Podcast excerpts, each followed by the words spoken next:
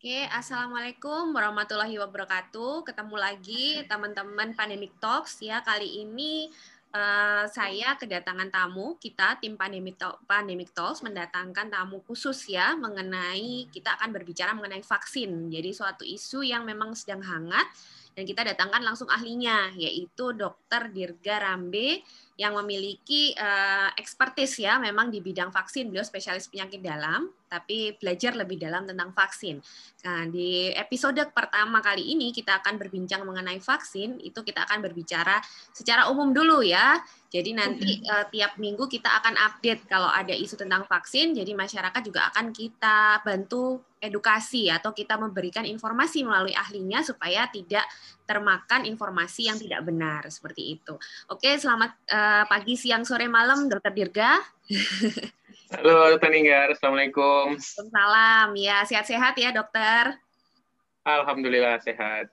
Ya, beliau ini kolega ya, kita sama-sama dokter penyakit dalam, tapi beliau ini lebih mendalami tentang vaksin. Jadi kita sekarang ngobrol nih dok tentang vaksin.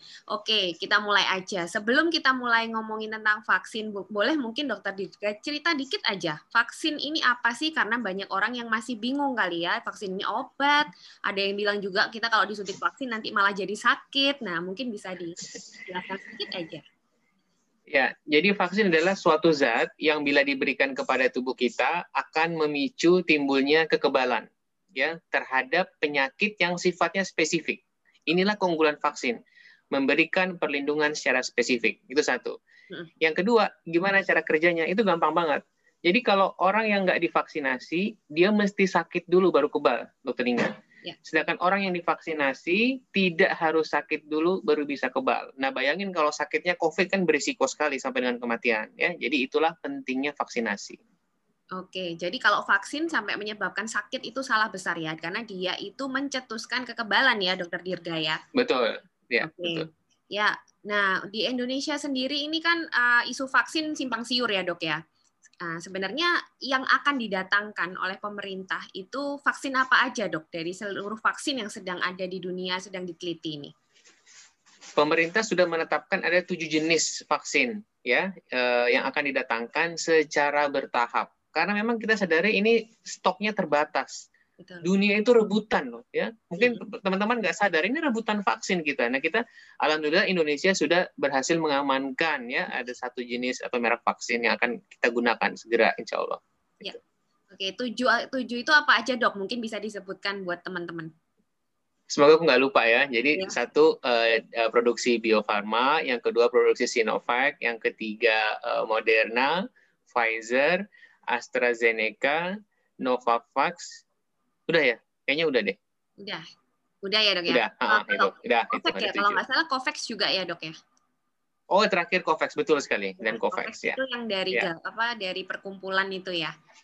Betul, betul. Tapi masih belum tahu jenisnya.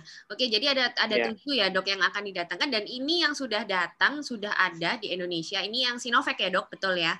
Betul, betul. Ya, dan ini mungkin yang dipertanyakan oleh masyarakat, ini kan belum ada izin nih dari BPOM, terus mungkin uh, secara publikasi atau analisisnya belum hmm. pernah di dikemukakan secara terbuka ya dok ya, tapi kok sudah hmm. distribusikan sih dokter Dirga, gimana ini?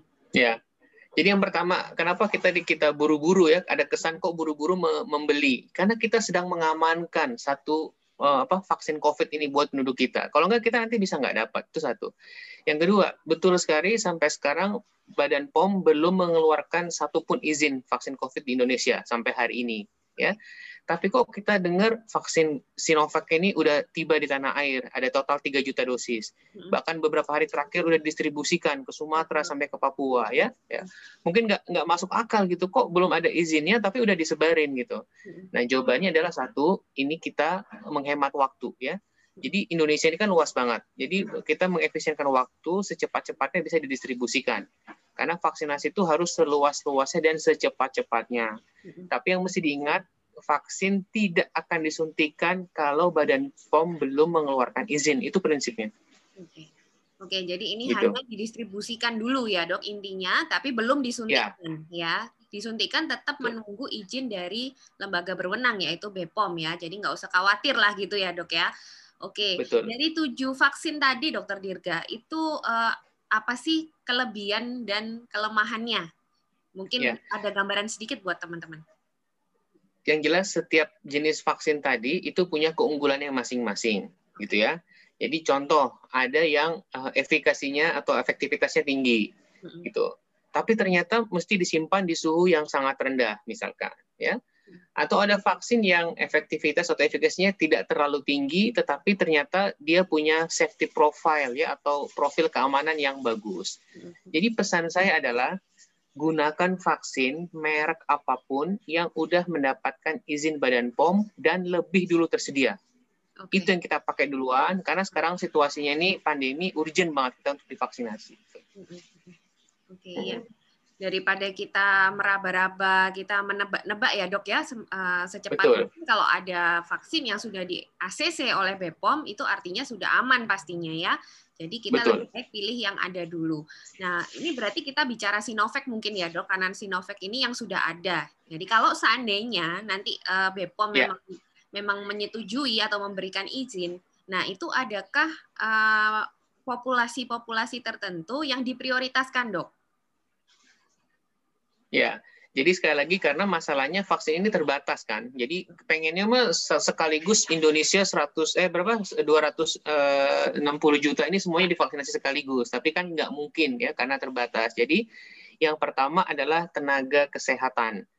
Ini definisinya sebenarnya luas, yaitu semua orang yang bekerja pada fasilitas kesehatan. Jadi bukan cuma dokter, bukan cuma perawat, termasuk uh, apa pengemudi ambulans, cleaning service, semuanya divaksinasi gitu. Itu prioritas. Ya. Yang kedua adalah aparatur negara yang melayani publik, pelayanan publik ya. Baru nanti bertahap bertahap hingga akhirnya masyarakat luas. Oke, ya. Jadi yang dapat SMS kemarin kali ya, Dok ya. Mungkin itu yang diprioritaskan ya. Betul. Nah, ya. Oke. Lalu untuk uh, saya juga baca kemarin dok dari rekomendasi PAPDI ya eh, perhimpunan dokter penyakit dalam itu memang ada beberapa ya.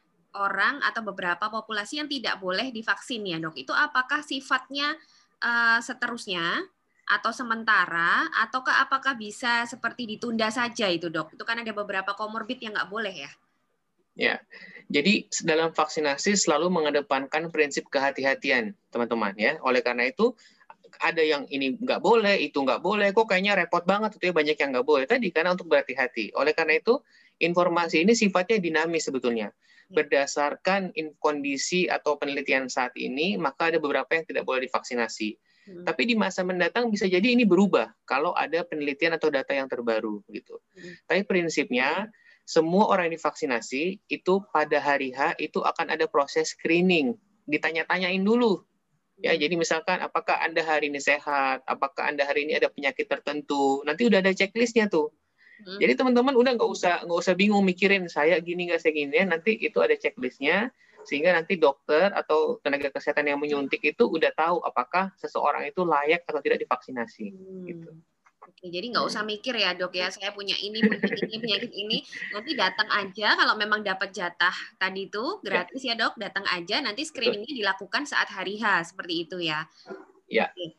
Nah dok, saya mau nanya nih tentang uh, efikasi nih dok. Saya pernah lihat uh, dokter Dirga tweet nih tentang efikasi, lalu ada uh, efikasi berhubungan dengan penurunan resiko terjadinya ya. apa terinfeksi COVID. Itu gimana sih dok? Bisa mungkin diceritakan sedikit uh, tentang ya. efikasi ya. itu apa? Ya. Ya, jadi uh, kita memang membutuhkan vaksin yang uh, efikasinya baik ya. Dalam hal ini WHO menetapkan minimal 50%.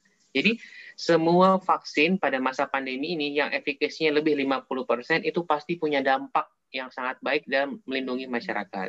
Gitu ya. Hmm. Jadi contohnya kalau vaksin efikasinya 90% ya, efikasi itu punya pengertian yang mirip walaupun tidak sama dengan efektivitas. Jadi saya pakai kata gampang aja efektivitas saja. Okay. Jadi vaksin dengan efektivitas 90% itu bukan berarti 10%-nya tidak efektif, bukan. Hmm. Tetapi kita dalam situasi di masyarakat kita harus baca seperti ini. Jadi eh, orang-orang uh, yang divaksinasi itu punya risiko 10 kali lebih rendah hmm. dari untuk mengalami COVID yang bergejala daripada orang-orang yang tidak divaksinasi. Hmm. Dan untuk risiko dia sampai kematian atau meninggal itu jauh lebih kecil lagi, gitu. Ya. Karena kita tahu sendiri sementara uh, selama ini kematian kan hanya sekitar uh, yang gawat 5% ya, Dok ya. Berarti kalau itu sudah sudah turun 10%, itu berarti akan eh turun 10 kali, berarti akan lebih rendah lagi ya untuk resiko kematiannya gitu logikanya ya. Ya. Dan itu akan sangat membantu beban kami para nakes di rumah sakit gitu ya. Nah, makanya. Nah, terus terakhir ini dok, kita mungkin bicara sedikit tentang safety. Nah, ini mungkin yang uh, di uh, sangat di concern sama masyarakat nih ya. Uh, aman nggak sih dok ini uh, vaksin ini, terutama kita bicara Sinovac. Kalau dari yang dokter Dirga tahu, secara safety dari sisi keamanan seperti apa dok? Semua jenis atau merek vaksin COVID semuanya sudah atau sedang menjalani uji klinis fase 1, fase 2, sekarang fase 3 semuanya ya. Oleh karena itu di situ akan tergambarkan eh, terutama dalam hal safety dan juga efficacy ya. Nah, vaksin Sinovac ini ini dibuat dengan teknologi tradisional, teknologi konvensional namanya teknologi inactivated ya, inaktivasi Nah, ini teknologi yang tradisional, tetapi dia punya ke, keuntungan, keunggulan, yaitu dia punya uh, rekam jejak keamanan yang sangat baik. Ningga. Karena vaksin-vaksin yang kita pakai sejauh ini untuk imunisasi rutin, itu hampir mayoritas itu pakai teknologi ini. Hmm. Jadi soal keamanan sebetulnya ini sangat baik. Dan itu dibuktikan dari uji klinis fase 1, fase 2, sampai fase 3 untuk uh, Sinovac, kita belum ada informasi yang menunjukkan efek samping yang berat gitu ya. Jadi jadi tapi nanti tetap ujungnya akan diputuskan oleh Badan POM. Hmm. Kalau Badan POM udah mengeluarkan izin itu suatu vaksin ya merek apa pun, saya nggak hanya bicara Sinovac, semua merek ya. itu pasti di, dapat dipastikan keamanan dan efektivitasnya gitu. Oke, oke dok. Hmm. Nah, untuk episode satu ini kayaknya cukup. Lo jelas banget sih hmm. sebenarnya ya kita paling nggak hmm. masyarakat yang sedikit belum paham lebih terbuka mengenai vaksin, mungkin ada closing statement dok. Eh, tadi sepertinya sudah ada pesan utama dari dokter Dirga tentang vaksin ini. Yeah. Sikap, terutama sikap dari masyarakat harusnya seperti apa? Hmm. Silakan dok. Ya, yang pertama hati-hati mencari informasi ya, dari harus cari dari sumber yang terpercaya ya. Hati-hati jangan mudah kemakan hoax itu. Yang kedua, menyikapi vaksin uh, eh, COVID-19 ini, pesan saya satu, gunakanlah vaksin COVID-19 merek apa pun yang sudah mendapatkan izin Badan POM, itu satu. Yang kedua, efikasinya di atas 50% sesuai dengan standar WHO. Mm-hmm. Dan yang ketiga, yang lebih dulu tersedia. Okay. Gak usah mikir-mikir nunggu ini itu nggak usah kita kita berkejaran dengan waktu kita harus terlindungi secepat-cepatnya gitu. Oke, okay. oke okay, dok. Ya, terima kasih. Nanti uh, ini informasi ini baru episode satu ya teman-teman, karena kita akan membantu. Pokoknya tiap ada isu, tiap ada ini, kalau ada yang miring kita bantu untuk meluruskan ya Dokter Dirga. Terima kasih banyak ya, atas waktunya. Terima, Terima kasih. kasih juga teman-teman yang sudah menyaksikan. Semoga uh, informasi dari Dokter Dirga ini sangat bermanfaat untuk kita yang belum paham tentang vaksin gitu ya. Oke, makasih banyak Dokter Dirga sudah mau uh, membantu tim Pandemic Talk. Thank you. Jadi, uh, sampai ketemu di episode berikutnya ya Dokter Dirga. Assalamualaikum. Sampai ketemu insya Allah ya Dokter Ninggar. Waalaikumsalam warahmatullahi wabarakatuh.